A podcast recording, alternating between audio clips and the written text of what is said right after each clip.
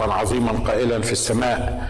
الآن صار خلاص إلهنا وقدرته وملكه وسلطان مسيحي لأنه قد طرح المشتكي على إخوتنا الذي كان يشتكي عليهم امام إلهنا نهارا وليلا.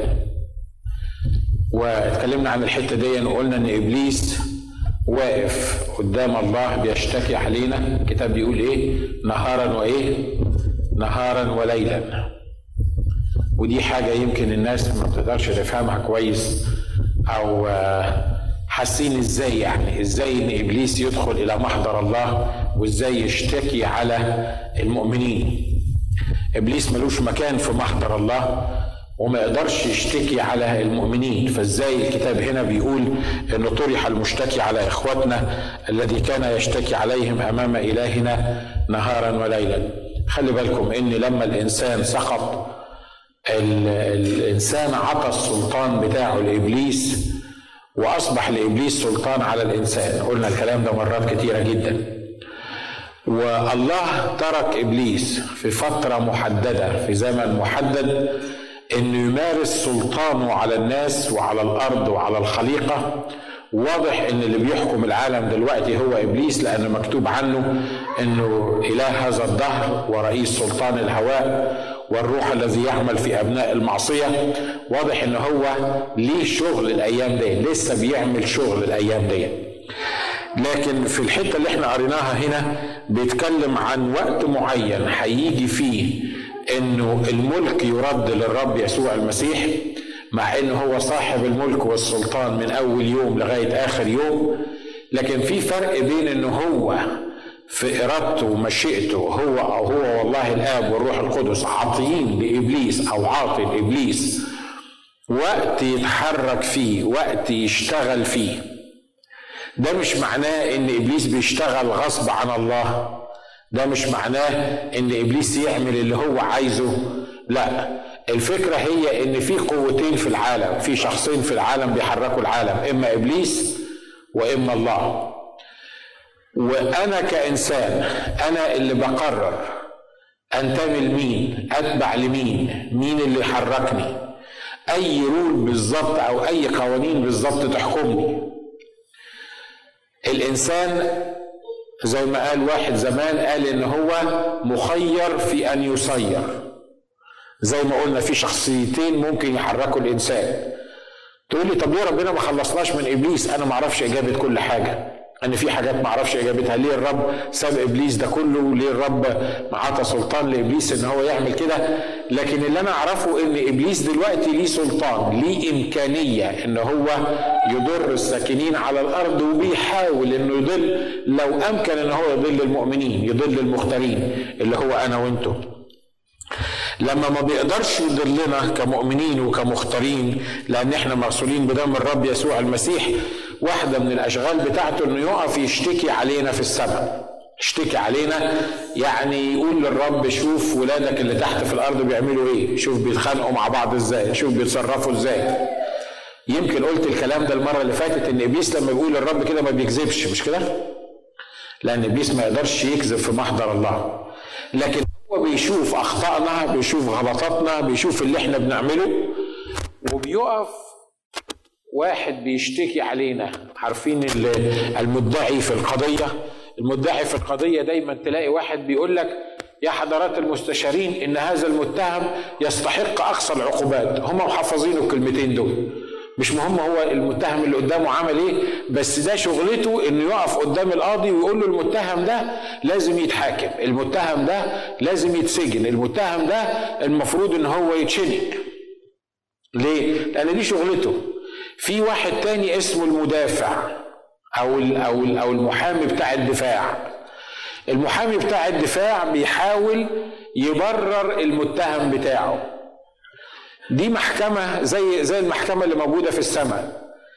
تخيل معايا كده الله الآب قاعد بيحكم حسب الناموس وحسب الكلمة وأنا المتهم واقف قدام الله وفي إبليس اللي بيقول يا حضرات المستشارين ناجي ده لازم يروح جهنم ناجي ده لازم يدفع العقاب ناجي ده لازم يتعاقب بشكل أو بآخر. وفي واحد تاني اللي هو الشفيع أو أو محامي الدفاع اللي واقف بيدافع وبيقول لا ناجي ده ما يتعاقبش. اللي بيقول إن ناجي لازم يتعاقب عنده حق. ليه؟ لأنه ناجي أخطأ. لأن ناجي فعلا يستاهل إن هو يتعاقب. اللي بيقول إن ناجي ما يتعاقبش برضه عنده حق. ليه؟ مش لأن ناجي ما أخطأش لا لأن ناجي أخطأ لكن هو نفسه الشفيع ده هو دفع ثمن الخطية بتاعت ناجي. علشان كده إبليس شغلته إن هو يشتكي عليا يحاول يعمل لي مشاكل يحاول يوقعني في الخطية يحاول إن هو يوقع عليا أقصى العقوبات زي ما بقول. لكن شغلانة الله شغلانة الرب يسوع المسيح إن هو يدافع عني لأن الكتاب بيقول عنه إن هو الشفيع أو الوسيط بين الله وبين الناس اللي بيقف عشان يدافع عني وعنك. هنا بيقول إنه قد طرح المشتكي على إخواتنا الذي كان يشتكي عليهم أمام إلهنا نهارا وليلا. خلي بالكم المشتكي ده كان في عرش الله في يوم من الأيام لما قرر إنه يرفع كرسيه ويبقى مساوي لله طردوا الله نزله في الهواء الهواء ده اللي إحنا السبيس اللي إحنا عايشين فيه وبيحكم العالم من الهواء. لكن في الحتة دي الكتاب بيقول إن هو سيطرح من الهواء أيضا لفين؟ للأرض. يبقى موجود في الأرض. خلي بالك إن هو دلوقتي شغال في الهواء وشوف الأرض بيحصل فيها إيه. امال لما يبقى المقر بتاعه في الأرض هيحصل إيه على الأرض؟ عشان كده الكتاب بيقول ويل للساكنين على إيه؟ على الأرض. عدد 11 بيقول وهم غلبوه بدم الخروف وبكلمة شهادتهم ولم يحبوا حياتهم حتى الموت. ده اللي إحنا علقنا عليها بسرعة المرة اللي فاتت. وقلنا هنا إن هنا بيتكلم عن المؤمنين اللي بيغلبوا إبليس. وغلبة إبليس مش بالإرادة الشخصية. يعني ما تقدرش تقول لا أنا لازم يكون عندي إرادة. مرات كتيرة لما كنا بنقرأ المجلات بتاعة آه، الشباب زمان وكان يجي واحد يكتب المشكلة بتاعته يقول لك مثلا أنا آه، مستعبد للمخدرات أو أنا مستعبد للسجاير أو أنا مستعبد لحاجة معينة. يجي الراجل الكونسلر اللي بيرد عليه يقول له إنك لازم تخلي بالك إن أنت يكون عندك إرادة وتقول إن أنا مش هعمل الحاجة دي مرة تاني ومن خلال الإرادة بتاعتك دي إن إرادتك تقوى بحيث إن أنت تتغلب على الحاجة اللي أنت بتعملها. الكلام ده ينفع في علم النفس لكن ما ينفعش في الحياة الروحية. ليه؟ لأن الغلبة على إبليس مش بالإرادة لأن كلنا إرادة بتاعتنا في شنك كلنا الاراده بتاعتنا ما تجيبش لغاية باب الكنيسة. صح اللي أنا بقوله ده؟ ها؟ جربنا إحنا لما كنا خطاة مش كده؟ يا ما جربت أنا يا ما كنت بكره الخطية وكنت قلت وأقول مش ممكن أعمل كده تاني مش ممكن أشتم تاني مش ممكن أحلف تاني مش ممكن مش عارف أعمل إيه. وأحاول أمسك نفسي وأحاول يعني يكون عندي إرادة إن أنا ما أعملش الحكاية دي. لكن الفكرة مش بالإرادة الإنسانية الشخصية. هنا بيقول وهم غلبوه بإيه؟ بدم الخروف بدم الرب يسوع المسيح. الحاجة الوحيدة اللي يترعب منها إبليس هو دم الرب يسوع المسيح. ليه؟ لأن إبليس كان عايز يشرب من دمي ودمك. دي شغلته. عايز يشرب من دمي ودمك. عايز يموتني وعايز يموتك. حكم علينا بالانفصال عن الله. عايز يودينا جهنم معاه. لكن بموت الرب يسوع المسيح وسفك دمه على الصليب ومرة واحد سألني على التلفزيون قال لي أنتوا ليه ليه بس بتصوروا الإله بتاعكم إله دموي؟ بيصر بالدم إن يشوف الدم وبيقول في الكتاب بدون سفك دم لا تحصل مغفره وأنتوا كل شوية بتفتخروا بدم الرب يسوع المسيح. ليه أنتوا ناس دمويين كده؟ ليه ليه بتحبوا تشوفوا الدم وتتكلموا عن الدم وترنموا على الدم وتقولوا غطينا بدم الرب؟ ليه ليه أنتوا بتعملوا الحكاية دي الكتاب بيقول إن إن حياة الإنسان أو نفس الإنسان في إيه؟ في دمه مش كده؟ يعني الإنسان لما بيموت لو الإنسان اتصفى دمه لو الإنسان أهدر دمه معناها إن الإنسان هيموت.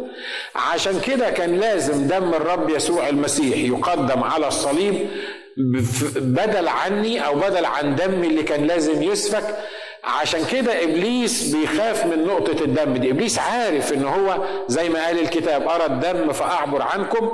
فعارف إن الدم لو موجود على بيتي وعلى بيتك مش هيقدر يخش البيت. عشان كده إبليس ما يكرهش حاجة في الدنيا أكتر من دم الرب يسوع المسيح. آمين؟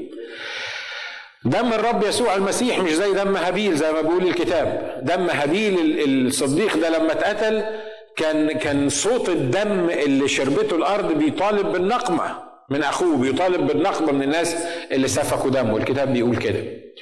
لكن دم الرب يسوع المسيح لما اتسفك ما كانش بيطالب بالنقمة. دم الرب يسوع المسيح لما اتسفك كان بيقول لله الآب يا أبتاه اغفر لهم.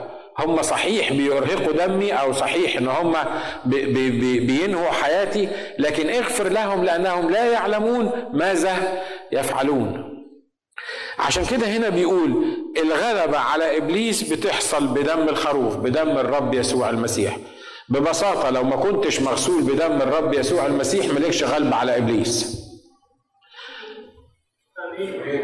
لو ما كنتش مغسول بدم الرب يسوع المسيح ما تحاولش تقاوم إبليس. ليه؟ لأنه هيضحك عليك. ياما ناس بيضحك عليهم إبليس. ليه؟ لأنهم مش مغسولين بدم الرب يسوع المسيح. هو يخاف من المغسولين بدم الرب يسوع المسيح لأنه عارف. وعلى فكرة إبليس قاري سفر الرؤيا أصحاح 12 و13 وقاري التكوين قاري كل الكتاب وفاهم كده. هم غلبوه بدم الخروف وبكلمة شهادتهم. بمعنى هم حطوا دم الرب يسوع المسيح عليهم دم الرب يسوع المسيح طهرهم من كل خطية. بقيوا دلوقتي بيواجهوا إبليس بدم الرب يسوع المسيح. وأيضا بالكلمة بكلمة شهادتهم ان هم بيشهدوا لشخص الرب يسوع المسيح وفي الآخر لم يحبوا حياتهم حتى الإيه؟ حتى الموت. وعلى فكرة إبليس بيعرف لما أنت تقول كلام وأنا أقول كلام ولما فعلا إحنا نعني الكلام ده. أنتوا معايا؟ في ترنيمة بتقول أنا لك ولغيرك لن أكون ولأجلك كل تضحية تهون. سمعت الترنيمه دي قبل كده؟ ها؟ يا أبوي علينا وإحنا بنكذب في الترنيمة دي أجدع ناس نكذب في الترنيم إحنا مش كده؟ أنا لك ولغيرك لن أكون ولأجلك كل تضحية تهون ولو واحد قال لك ممكن تعدي تجيب الأخ فلان معاك الكنيسة وهو جاي تقول أنا مش قادر مش فاضي عندي حاجة معينة ما ما تطلع 100 عذر مع إنك بتيجي في الكنيسة وبتقول إن لأجلك كل تضحية تهون. يا رب أنا ضحي أنا هضحي حتى بدمي من أجلك. في ناس بتكتب حتى الكلام دون ويمكن أول ناس يهربوا عند الجد هم الناس اللي بيقولوا أنا لك ولغيرك لن أكون ولأجلك كل تضحية تهون. الأيام دي محدش عايز يضحي عشان حد. ده مش منطق العالم مش كده؟ ها؟ الأيام دي ما تقدرش تسأل الناس انها تطلع بره السكاديول بتاعها أو اللي حطيته في دماغها انها تعمله لما بتقول للناس تعالوا الكنيسة بيحسوا انه بيضحوا لأجل الرب عشان يجوا الكنيسة أو عشان يعملوا عمل معين لكن خلي بالكم الناس اللي غلبوا الرب يسوع المسيح غلبوا إبليس بدم الرب يسوع المسيح هم مين؟ هم الذي لم يحبوا حياتهم حتى الإيه؟ حتى الموت الترتيب كده مظبوط. دم الخروف كلمة شهادتهم ولم يحبوا حياتهم حتى الموت. بس خلي بالك من حاجة مهمة. إبليس لما بيبص للترتيب دون بيحب يشوف الآخر الأول. ليه؟ لأنه سهل إن أنت تتكلم عن دم الرب يسوع المسيح، سهل إن أنت تقول لإبليس أنا هغلبك بغلبك باسم الرب يسوع المسيح وبدم الرب يسوع المسيح، وتتكلم وتقول الكلمة بتاعت الشهادة، لكن لما يجي عند الجد أنت ما عندكش استعداد إنك تضحي بخمس دقائق من وقتك. وما عندكش استعداد تضحي ب 10 دولار من فلوسك. وما عندكش استعداد حتى تفكر. مرات كتيرة بنبقى بالمنظر ده ويبقى ما عندناش استعداد إن إحنا نضحي بأي حاجة. وإبليس يقول إيه؟ آه الناس دول بيهتفوا بدم الرب يسوع المسيح. الناس دول أنا عارف إن هم اتجددوا في وقت من الأوقات. والناس دول أجدع ناس يتكلموا عن الشهادة وبيحاولوا يشهدوا عن شخص الرب يسوع المسيح. لكن الحتة اللي ناقصة في حياتهم اللي على أساسها ما يقدروش يغلبوني إن هم لم يحبوا حياتهم حتى الإيه؟ حتى الموت. في ناس فعلا في الكتاب لم تحب حياتهم حتى الموت؟ ها متهيألي الفتية الثلاثة لما اترموا في أتون النار ما كانوش حابين حياتهم مش كده؟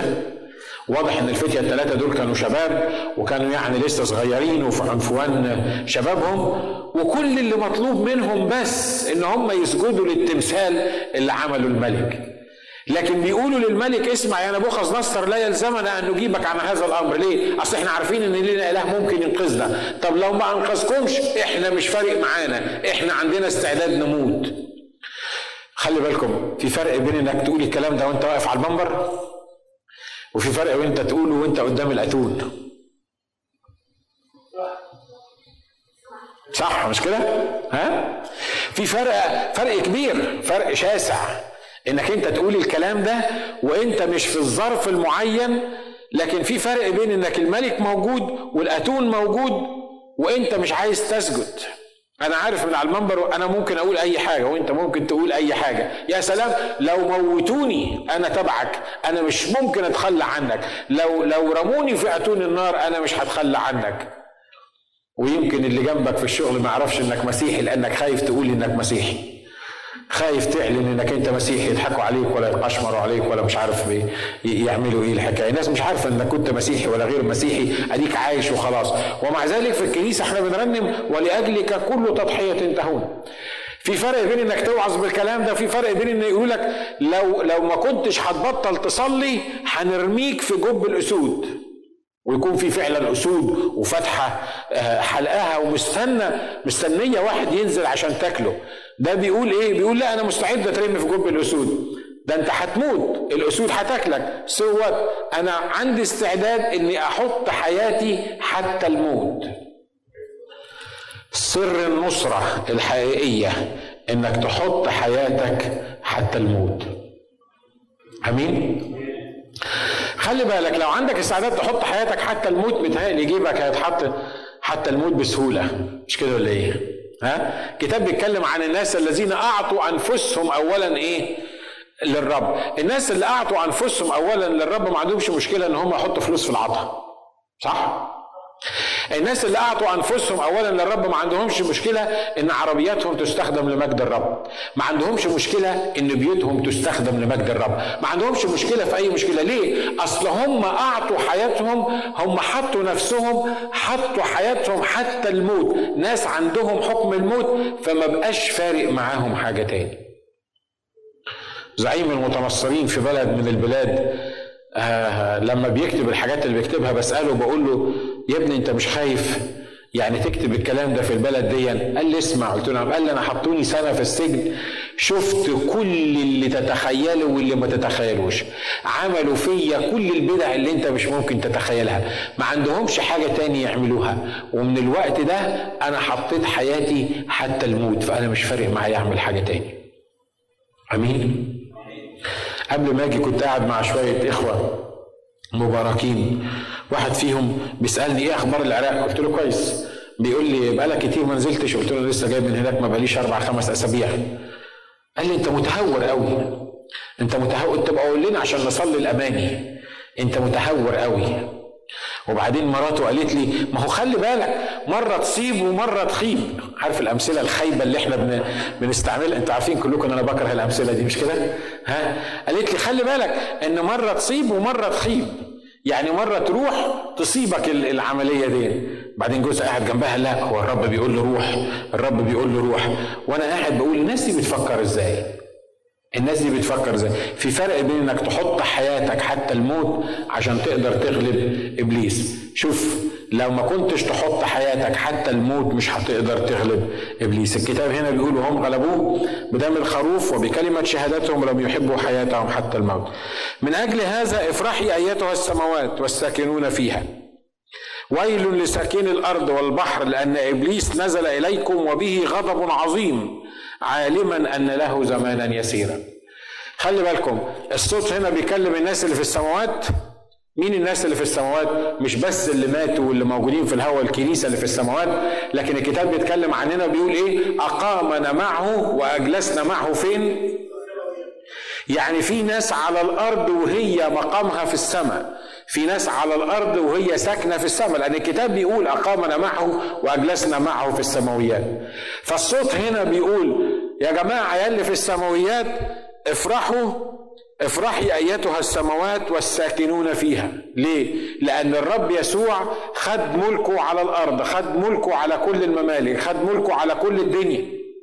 فافرحي أيتها السماوات والساكنون فيها.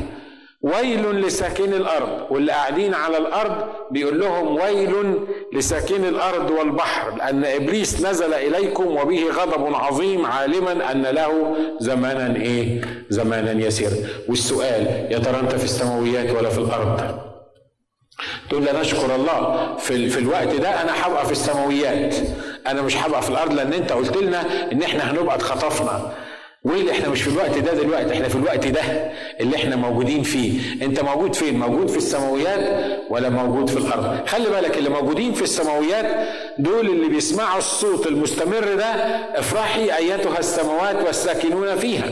ليه؟ لأن لينا إله اسمه ملك الملوك ورب الأرباب. لأن لينا إله كل ما شاء صنع. لأن لينا إله يحيي الموتى ويدعو الأشياء غير الموجودة كأنها إيه؟ كأنها موجودة. ما قالش افرحوا لأن أنتوا يعني ما عندكمش اضطهاد والحقيقة الناس اللي في السماويات ما عندهمش اضطهاد. ما قالش افرحوا لأنه أنتوا في السماويات لازم تستمتعوا. لكن هنا بيقول إيه؟ بيقول افرحوا ليه؟ لأن لأن المشتكي طرح على الأرض وإلهنا ومسيحنا بقي ملك على كل الأمم وعلى كل العالم وعلى كل الألسنة والشعوب. افرحي ايتها السماوات والساكنون فيها. أمال إحنا مش فرحانين ليه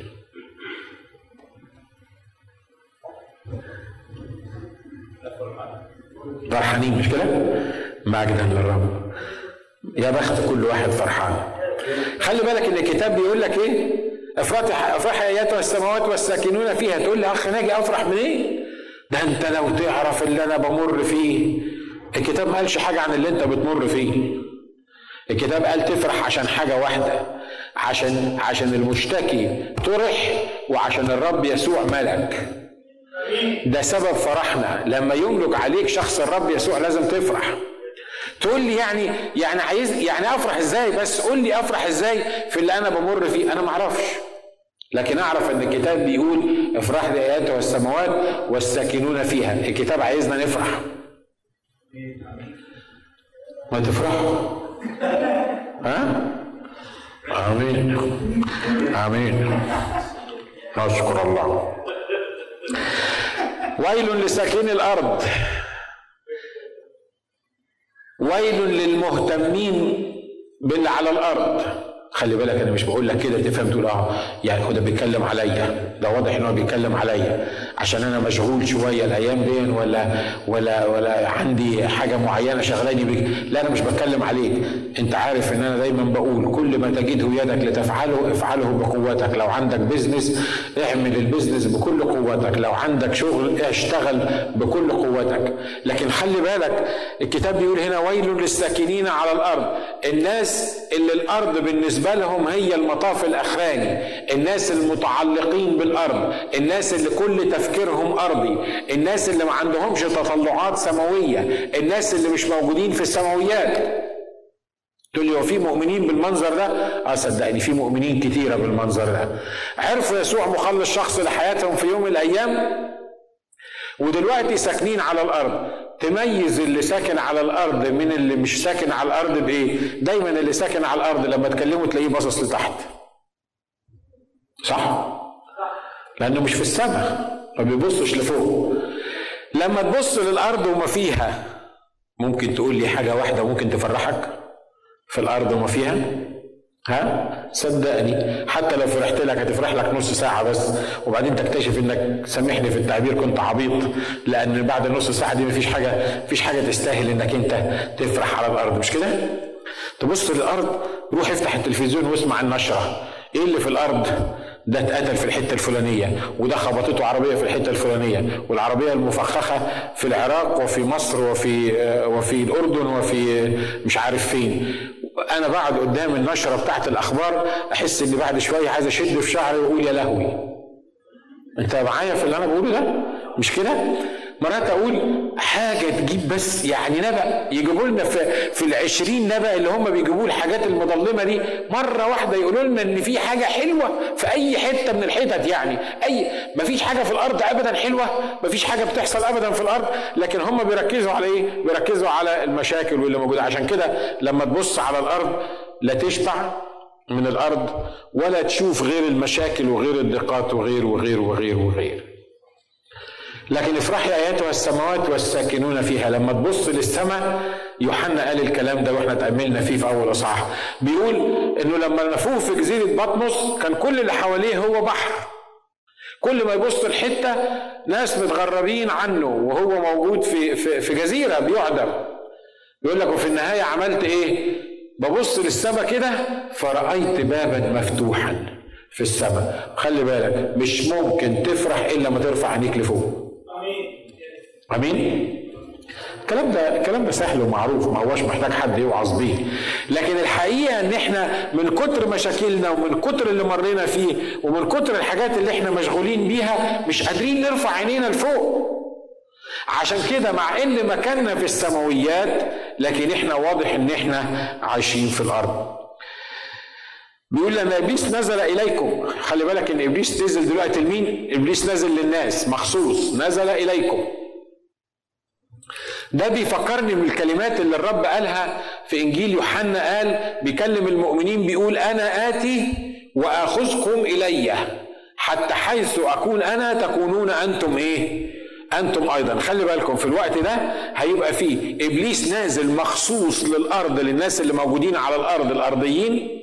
والرب قال إن أنا هنزل واخدكم إلي حتى حيث ما أكون أنا تكونون أنتم إيه؟ أيضا. مفيش مكان في النص بقى. يا هتروح مع الرب يا هتروح مع إبليس. الوحي هنا بيحذر الساكنين على الأرض بيقول إبليس نزل إليكم وبه غضب إيه؟ به غضب عظيم. يا أخي هو إبليس ناقص غضب عظيم. ده إبليس هو إبليس. يعني حتى لو إبليس حتى لو إبليس فرحان هتبقى مصيبة. لكن خلي بالكم في الفترة دي بيقول إيه؟ إبليس نزل إليكم وبه غضب عظيم. ليه؟ لأنه علما أن له زمانا إيه؟ زمانا قليلا. خلي بالك إبليس مش من النوع اللي بيستسلم بسهولة. وإبليس عارف إمتى النهاية بتاعته. من خلال الأحداث اللي إحنا بنقراها دي عارف إن له زمانا يسيرا. وكل ما الزمان ده قل كل ما حاول زي ما بيقول الكتاب إن هو يضل لو أمكن الإيه؟ المختارين. فكل ما الزمان بتاع إبليس بيتضغط كل ما الشر بتاعه يكتر وواضح اللي إحنا بنشوفه الأيام دي يعني الشر اللي إحنا شايفينه الأيام دي ما كانش موجود من 15 سنة لما جينا أمريكا. والشر اللي كان موجود من 15 سنة ما كانش موجود من 30 سنة. إحنا الناس اللي في سننا لما بنقعد نتكلم مع بعض بنقول إيه؟ إحنا كان أقصى واحد فينا بيحلم بلعبة يجيبها عارفين المنبه؟ عارفين المنبه؟ اسمه إيه بالعراقي؟ الألارم ده بالإنجليزي كويس عارفه؟ عارفين المنبه ده؟ كانت أجدع لعبة عندنا في مصر زمان في سني أنا كان المنبه البلاستيك ده كان بخمسة بخمسة سعر بخمسة قروش. يعني تجيب منبه وتقعد تلعب بيه القطر اللي كنا بنزقه بإيدينا ده عشان يمشي. وكنا متخيلين إن إحنا عندنا اختراعات. كنا بنكمل باقي عيشتنا نوم زي ما بيقولوا باقي يومنا نوم. ما عندناش المشاكل اللي إحنا بنعيشها. لما بنشوف الشباب النهارده والحاجات الاختراعات الكتيرة اللي موجودة بنقول يعني ده فعلا الكتاب ليه حق يقول ويل للساكنين على الأرض. لغاية دلوقتي إحنا مش عارفين كمان عشر سنين ولا كمان 15 سنة هيبقى شكل الأرض إيه. وأنا متأكد ان اولادنا لما يبقوا قدينا لو يعني الرب تأنى في مجيئه وهيشوفوا الشر اللي موجود على الأرض يقولوا ده إحنا زمان لما أبويا كان قسيس كان كانت الدنيا فيها خير. ما كناش بنشوف الشر اللي أنا مش عارف هيبقى شكله إيه الشر ده لأن اللي إحنا فيه كفاية. بس الكتاب بيقول لا إبليس ليه زمان يسير فهيحاول يعمل إيه؟ هيحاول يضغط ويحاول يكثف الشر بتاعه بكل الإمكانيات بتاعته. بيقول ولما رأى التنين اللي هو إبليس أنه طرح إلى الأرض اضطهد المرأة التي ولدت الإبن الذكر إحنا اتفقنا إن المرأة التي ولدت الإبن الذكر هي مين؟ إسرائيل. فإبليس أصلا كان عايز يلتهم الولد بتاعها زي ما قلنا قبل كده واضطهدها. وبعد كده لما حصلت الحرب دي ونزل على الأرض فعمل إيه؟ أن لما رأى أنه طرح إلى الأرض اضطهد المرأة التي ولدت الإبن الذكر خلي بالكم إن هذه المرأة اللي هي إسرائيل التي ولدت الابن الذكر في الوقت ده اللي إحنا بنتكلم عنه في الضيقة دي مكتوب عنها إنها ضيقة يعقوب. يعني هيمروا في ضيقة ما مروش بيها. تقول لي هو شعب إسرائيل لسه ما مرش بالضيقة؟ ده كانوا بيحطوهم في الهولوكوست في ال في ال في ال في الأفران. لا لا الكلام ده كله ده الكلام ده كله لا يساوي اللي لسه إسرائيل هيشوفه في الأيام الأخيرة. اوعى تكون من العرب اللي بيكرهوا إسرائيل أول ما تسمع كلام يستاهلوا. يستاهلوا. خلي ربنا ينتقم منهم. مش عايز أعلق كتير على الموضوع ده لكن خلي بالك إن كلنا نستاهل مش هم بس. لأن كلنا الكتاب بيقول الجميع زاغ وفسدوا ليس من يصنع صلاحا ليس ولا واحد. فأعطيت المرأة جناحي النسر العظيم لكي تطير إلى البرية إلى موضعها حيث تعال زمانا وزمانين ونصف زمان من وجه الحية الكتاب بيقول إنه إن هذه المرأة اللي هي إسرائيل لما ابتدى التنين ده أو ال ال ال الوحش دوت يحاول إنه يضطهدها أعطيت جناحي النسر علشان تروح الصحراء إلى البرية إلى موضعها حيث تعال زمانا وزمانين ونصف زمان من وجه الحيه زمان وزمانين ونصف زمان يعني سنة وسنتين ونص سنة اللي هم الثلاث سنين ونص اللي هي نص الضيقه العظيم. الله هيدي إسرائيل إنها البقية التقية الناس المؤمنين في إسرائيل إن هم رغم اللي هم موجودين فيه لكن الله هيتدخل في الشؤون بتاعتهم هيتدخل في الحياة بتاعتهم بحيث إن هو هينقذهم لأن الكتاب بيقول إن هو يعلم الرب إنه ينقذ أتقياءه والذين له الرب هيعينهم وهيوديهم في صحراء واضح إن صحراء معناها أو برية معناها حتة معزولة حتة ما هياش آه، فن يعني ما كانوش في جنة عدن. ليه؟ لأن هم في وسط الاضطهاد. لكن الله عامل ليهم موضع في الاضطهاد ده بحيث إنه يعالوا فيه الله يرعاهم ويعولهم زمان وزمانين ونصف زمان. واضح اللي أنا عايز أقوله؟ في كل شعب وفي كل أمة وفي كل ضيقة الله ليه الأمناء والأتقياء بتوعه. والأمناء والأتقياء بتوع الرب بيعرف يدافع عنهم. في كل اضطهاد في كل مشكلة يعرف الرب إن هو دافع عنهم. تقول لي بس المؤمنين مروا باضطهادات رهيبة جدا. أنت اللي بتشوفه الأجساد اللي بتتحرق لكن ما بتشوفش المؤمنين من جوه ودي حاجة ما نقدرش نختبرها إلا لما نبقى في مكانهم. ما بتشوفش العشرة والشركة اللي بينهم وبين الله وهم بيمروا في الاضطهاد. خلي بالكم الكتاب بيتكلم عن الناس قال إيه؟ أحفظك في ساعة التجربة. مش من ساعة التجربة. في فرق بين من ساعة التجربة وفي فرق بين في ساعة التجربة مش كده؟ من ساعة التجربة يعني أنت ما تتجربش يعني أنت ما تضطهدش. لكن في ساعة التجربة معناها إنك أنت وأنت في الاضطهاد وأنت في الألم أنا أحفظك وأعولك وادي لك القوة والشجاعة إنك أنت تستحمل الحاجة اللي موجود فيها. واضح اللي إحنا بنقوله ده؟ تقول لي لا بس إحنا بصراحة يعني مش عايزين في ساحه التجربة دي إحنا عايزين من التجربة. إحنا بنصلي وبنقول لا تدخلنا في تجربة. الناس اللي موجودين في البلاد المضطهدة عمرك ما تسأل مجموعة فيهم وتقول لهم عايزيننا نصلي عشان إيه؟ ويقول لك صلوا عشان ربنا يرفع الاضطهاد اللي إحنا موجودين فيه. والمؤمنين اللي بيقولوا كده تعرف إن هم مؤمنين خايبين ومش مضطهدين. لما بنسأل الناس اللي كانوا معانا في المؤتمر اللي موجودين الناس اللي من الصين اللي بيعذبوهم بيعذبوهم. عايزيننا نصلي عشان إيه؟ قالوا عايزينكم تصلوا علشان الرب يدينا قوة احتمال في الاضطهاد عشان نقدر نشهد ونقدر نجيب ناس كتيرة للمسيح. وده اللي عملوه التلاميذ. التلاميذ في وقت من الأوقات لما خدوا علقة محترمة واتضربوا وجابوهم الرؤساء عشان يهددوهم كانت صلاتهم يا رب انظر إلى تهديداتهم. ومش يا رب انقذ عبيدك وخلينا رب نخلص من التهديدات بتاعتهم وخلينا نخلص من الاضطهادات بتاعتهم. واضح اللي أنا عايز أقوله؟ هم كانوا بيصلوا بيقولوا إيه؟ انظر إلى تهديداتهم وامنح عبيدك قوة للشهادة واعطي أن تجرى آيات وعجائب باسم فتاك القدوس يسوع. طب ما أنتوا عارفين انه لما يديكم قوة للشهادة وتجرى آيات وعجائب باسم الفتاه الفتاة القديس الابن يسوع هيحصل إيه؟ هيحصل اضطهاد أكتر مش كده هيحصل إن أنتوا هتتمسكوا أكتر هيحصل إن أنتوا هتتضربوا أكتر هيحصل إن أنتوا هتخشوا السجن أكتر يقول لك إحنا ما يفرقش معانا ان إحنا نتضرب ولا نخش السجن ولا نضطهد. اللي يفرق معانا اللي إحنا عايزينه انه يمنح عبيده قوه ولتجرى آيات وعجائب باسم فتاه القدوس يسوع. آمين. وإحنا لو حد بس عمل لنا كده نحس ان إحنا مضطهدين ومش قادرين نستحمل بعض والدنيا تسود وحالتها تبقى بلا ده قال لي كذا. ده كلمني بالطريقة أنا ما بكلمش على حد أمام الله. لحسن تلطش في حد ويفكر إن أنا بتكلم عليه. لا أي حاجة بتحصل إحنا متخيلين إن إحنا إن إحنا مضطهدين. المضطهدين الحقيقيين لأجل البر ما بيصلوش عشان ربنا يوقف الاضطهاد بيصلوا عشان يتمجد اسم الرب يسوع المسيح في الاضطهاد آمين؟ آمين. آمين. محدش بيحب يسمع عن الاضطهاد مش كده؟ عارفين ليه الكنيسة مش مؤثرة الأيام دي في الأيام اللي إحنا بنعيش فيها؟ عارفين ليه الكنيسة مش عاملة اللي المفروض تعمله؟ عشان الكنيسة نامت في العسل.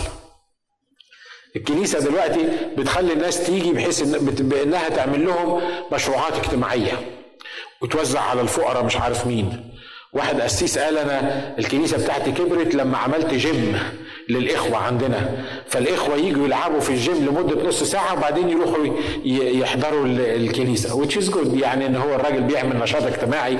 لكن خلي بالك الكنيسة النهارده ما فيهاش الناس اللي جايين ولما أقول ما فيهاش مش معناها خالص بيريود يعني. لكن واضح إن الكنيسة النهارده ما فيهاش الناس اللي جايين وهم بيقولوا إحنا مش هنحب حياتنا حتى الموت.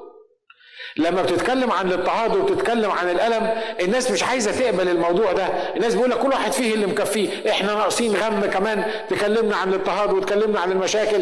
إحنا ناقصين مشاكل ما إحنا في مشاكل. على فكرة المشاكل مش هتخلص بس قدامك نوعين من المشاكل. يا إما تعيش للرب يسوع المسيح وتتألم لأجل البر لأجل شخص الرب يسوع المسيح يا إما ما تعيش للرب يسوع المسيح وبرضه هتتألم بس مش لأجل البر هتتألم عشان حياتك اللي غلط. أمين؟ حد متضايق من رسالة الألم؟ أنا عارف إن كلنا مرات كتيرة ما بنحبش نسمع الحكاية بتاعت رسالة الألم. لكن الكتاب بيقول كده الكتاب بيقول كده. ولما رأى التنين أنه طرح إلى الأرض اضطهد المرأة التي ولدت الابن الذكر. فأعطيت المرأة جناحي النسر العظيم لكي تطير إلى البرية إلى موضعها حيث تعال زمانا وزمانين ونصف زمان من وجه الحياة. خلي بالكم لكلمة موضعها دي. يعني هي رايحة البرية في موضع في البرية مخصوص عشان لما تضطهد تروحوا أنا أنا عايزك تطبق الكلام ده على حياتك. إحنا مش بس بنتكلم على صغير. خلي بالك في كل مرة بتمر فيها في مشكلة أو في اضطهاد معين في مكان معين ليك معد من الله عشان تروح فيه تستريح عشان الله يعولك. آمين؟ مفهوم اللي أنا عايز أقوله؟ قادر أوصل اللي أنا عايز أقوله؟ هذه المرأة لما اضطهدها إبليس الكتاب بيقول راحت إلى موضعها. فين موضعها ده؟ وكان فين موضعها ده؟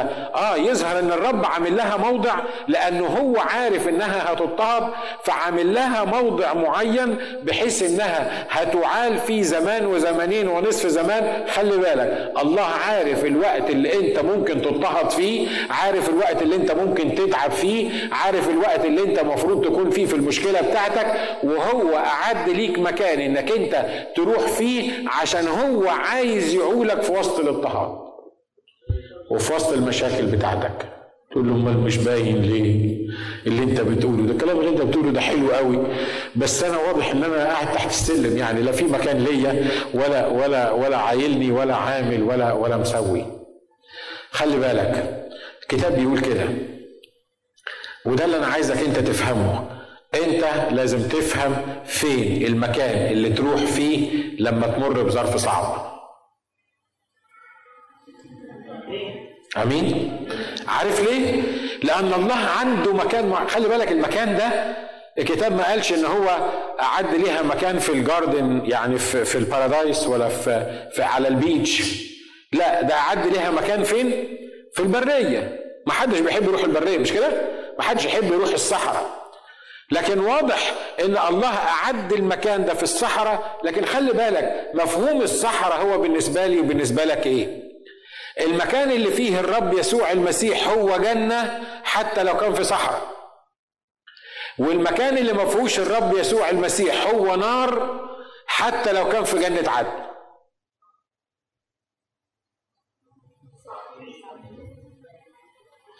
عشان كده وإحنا في وسط الألم وفي وسط المشاكل وفي وسط الضيقات وفي وسط الاضطهادات لما تعرف المكان اللي الرب حاططه لك عشان تلجأ ليه الرب يعولك والرب يكون موجود معاك والرب يشددك والرب يشجعك وتقدر تعدي من الظرف ده لأن شخص الرب موجود معاك.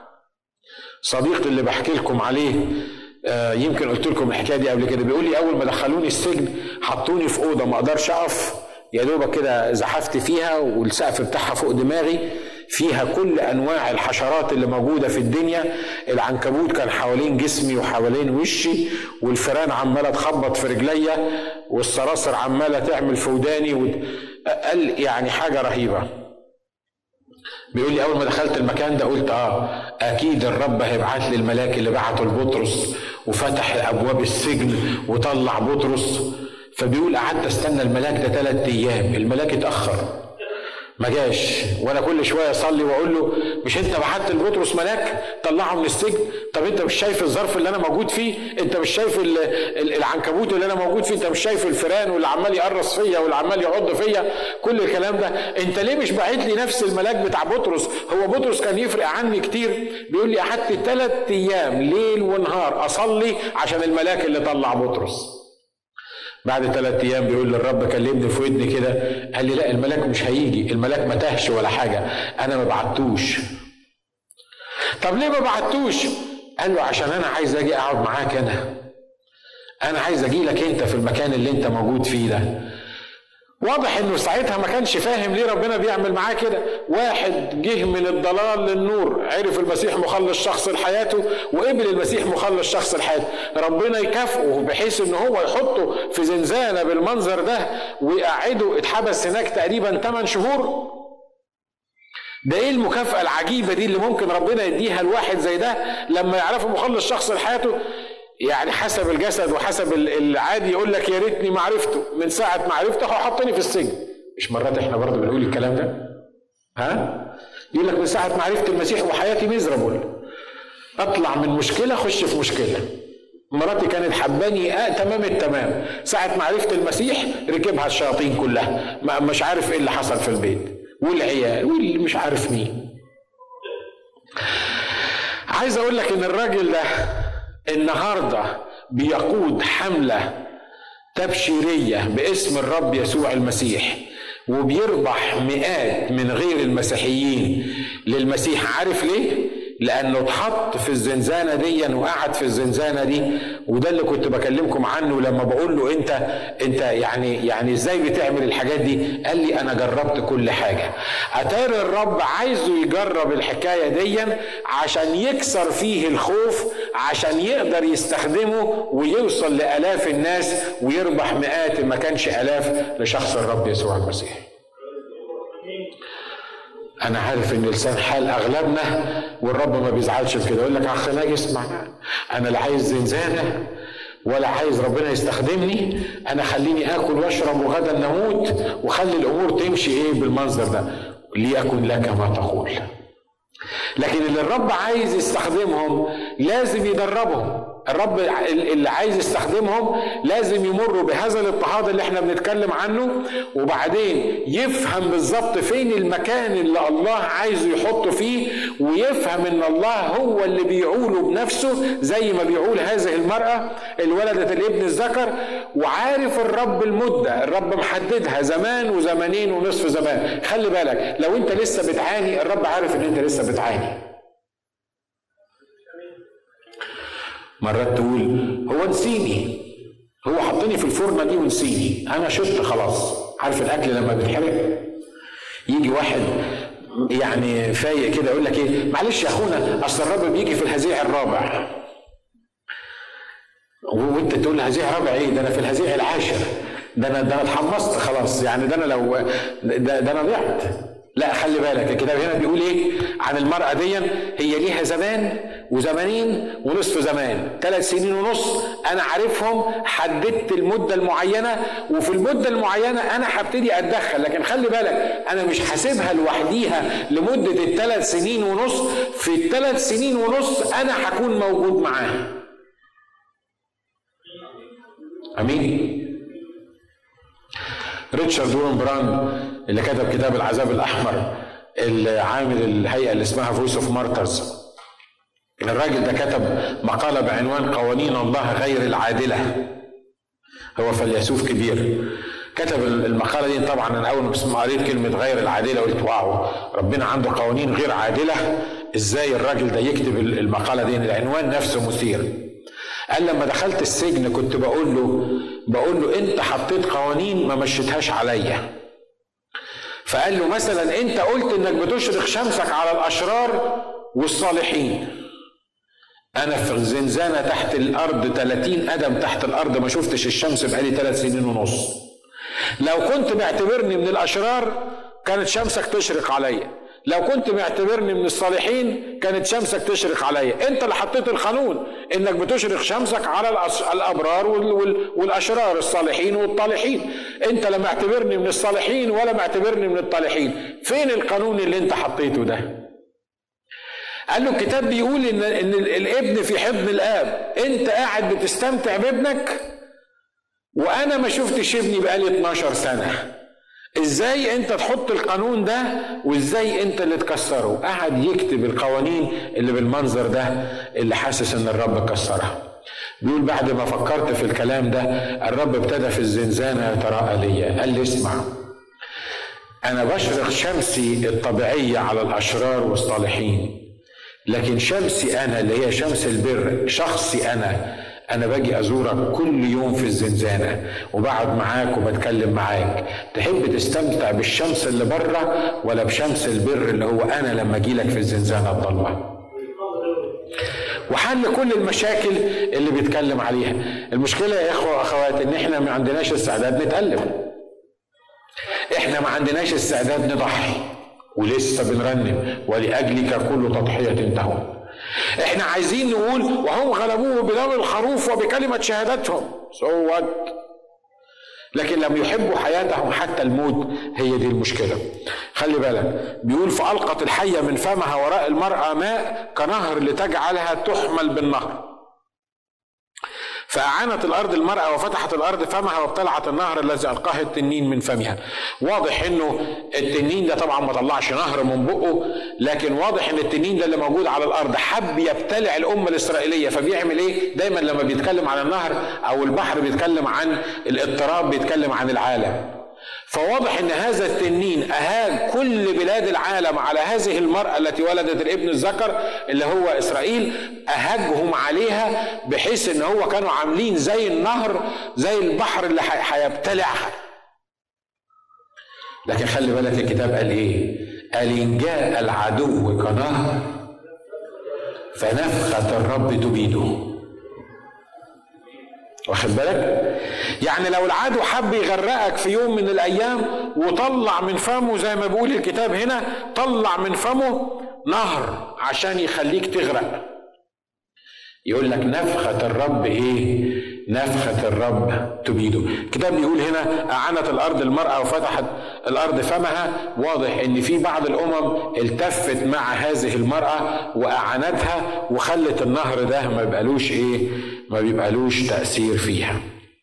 على 17 عشان نكمل الأصحاح بيقول فغضب التنين على المرأة وذهب ليصنع حربا مع باقي نسلها الذين يحفظون وصايا الله وعندهم شهادة يسوع المسيح. لما حاول العدو ده أو التنين دون إنه يغرق المرأة كلها الحلوين والوحشين اللي موجودين فيها والأرض أعانت هذه المرأة وخلت التأثير بتاع العدو ده وما يبقاش جامد على على المرأة الكتاب بيقول إيه؟ الشيطان أو التنين دون. ابتدى يعمل إيه؟ غضب التنين على المرأة وذهب ليصنع حربا مع باقي نسلها الذين يحفظون وصايا الله وعندهم شهادة يسوع المسيح. يعني هذه المرأة الأمة الإسرائيلية فيها ناس عندهم وصايا الله وحافظين شهادة الرب يسوع المسيح. ودول اللي إبليس حب يعمل إيه؟ حب يبتلعهم وحب يبتلع الكل ما قدرش.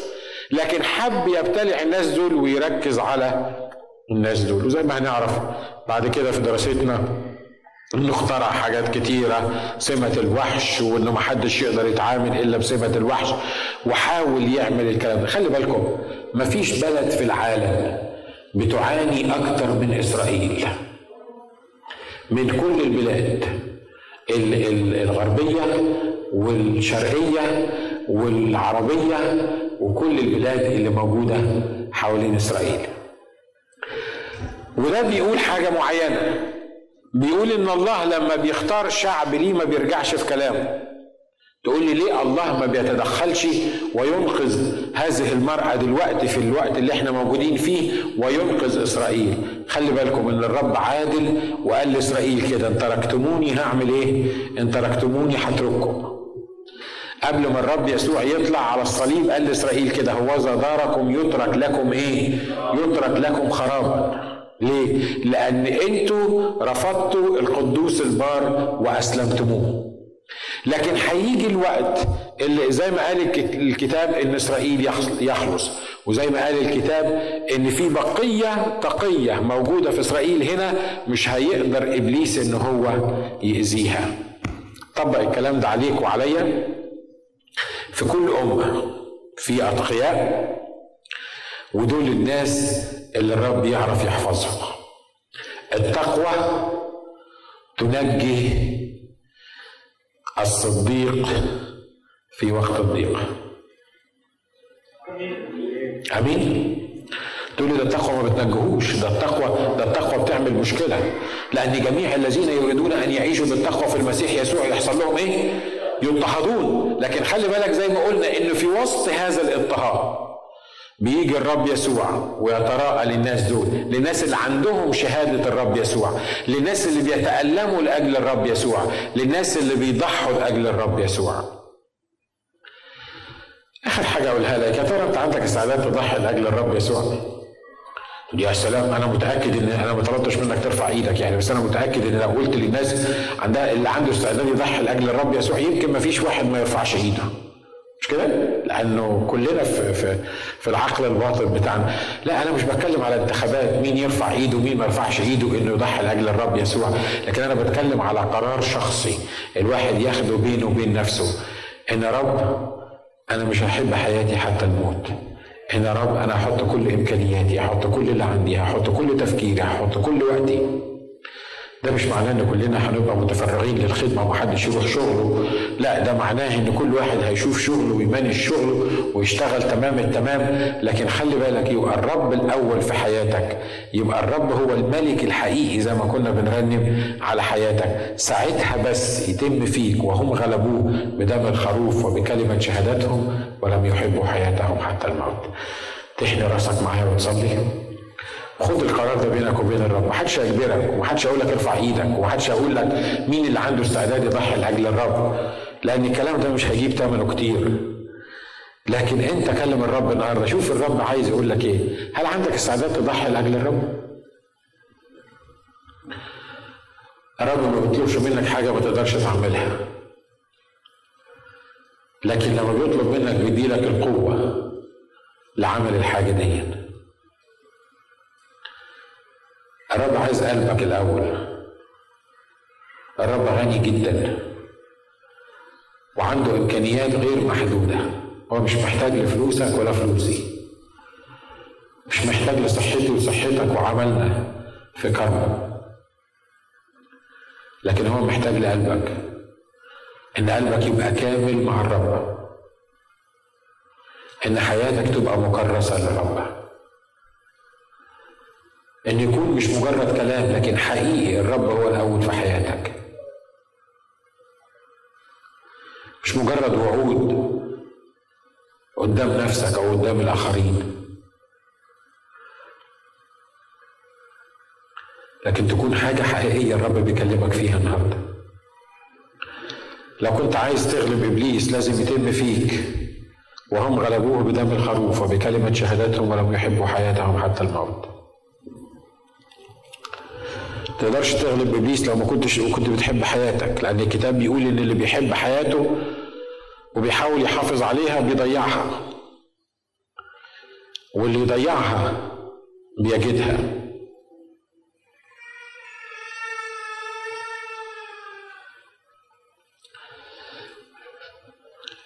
الرب ما يهموش العدد اللي بيمشي وراه أو العدد اللي بيوعده لكن يهمه واحد أو اثنين أو ثلاثة بياخد قرار حقيقي من قلبه.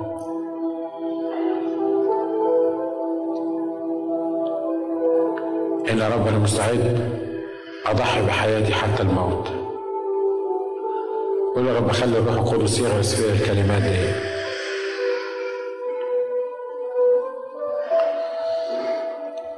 قول يا رب ساعدني إن أنا أتخلص من الحاجات اللي أنا متمسك بيها. ومتخيل إن أنا عندي حاجة متمسك بيها. وأنا مش عارف يا رب إن أنا إن أنا بمسك السراب. لكن أنا النهارده بحط حياتي قدامك على مذبح التكريس.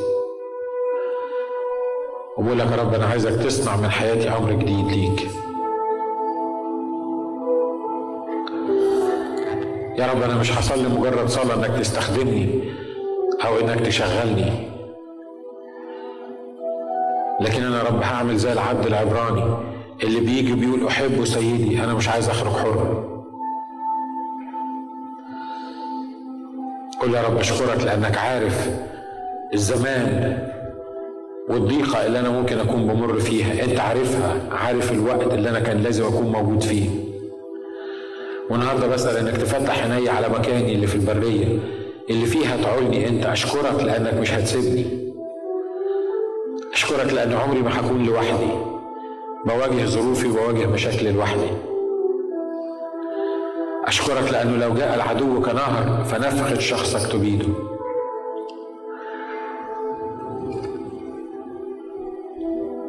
أشكرك يا رب لأني أقدر أشهد أقول ان لولا الرب الذي كان لنا إذا لابتلعونا أحياء.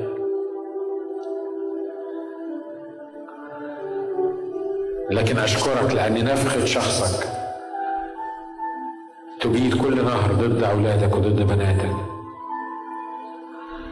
لأن كل آلة تصور ضد عبيدك لن تنجح. وكل لسان يقوم ضد عبيدك يحكم عليه في القضاء. اشكرك لأنك بتعودنا حتى في وقت الضيق. اشكرك لأنك جنبينا في وقت الاضطهاد.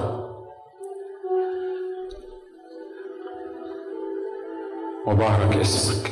مبارك اسمك. مبارك اسمك. يا رب النهارده بنكرس حياتنا لجلالك من جديد. بننسى ما هو وراء ونمتد إلى ما هو قدام لأجل جعالة دعوة الله العليا في المسيح يسوع. We praise the Lord.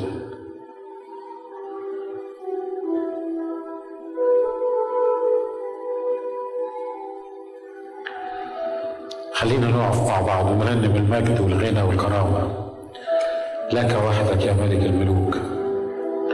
ورب الأرباب أنا عايزك تكمل صلاة وعايزك تكمل تكريس. الدعوة النهاردة للمؤمنين المغسولين بدم الرب يسوع المسيح. واللي عندهم استعداد يشهدوا عن دم الرب يسوع المسيح. اللي الرب بيقول لهم إنك لما تضع حياتك حتى الموت إنه من أهلك نفسه لأجل يجدها.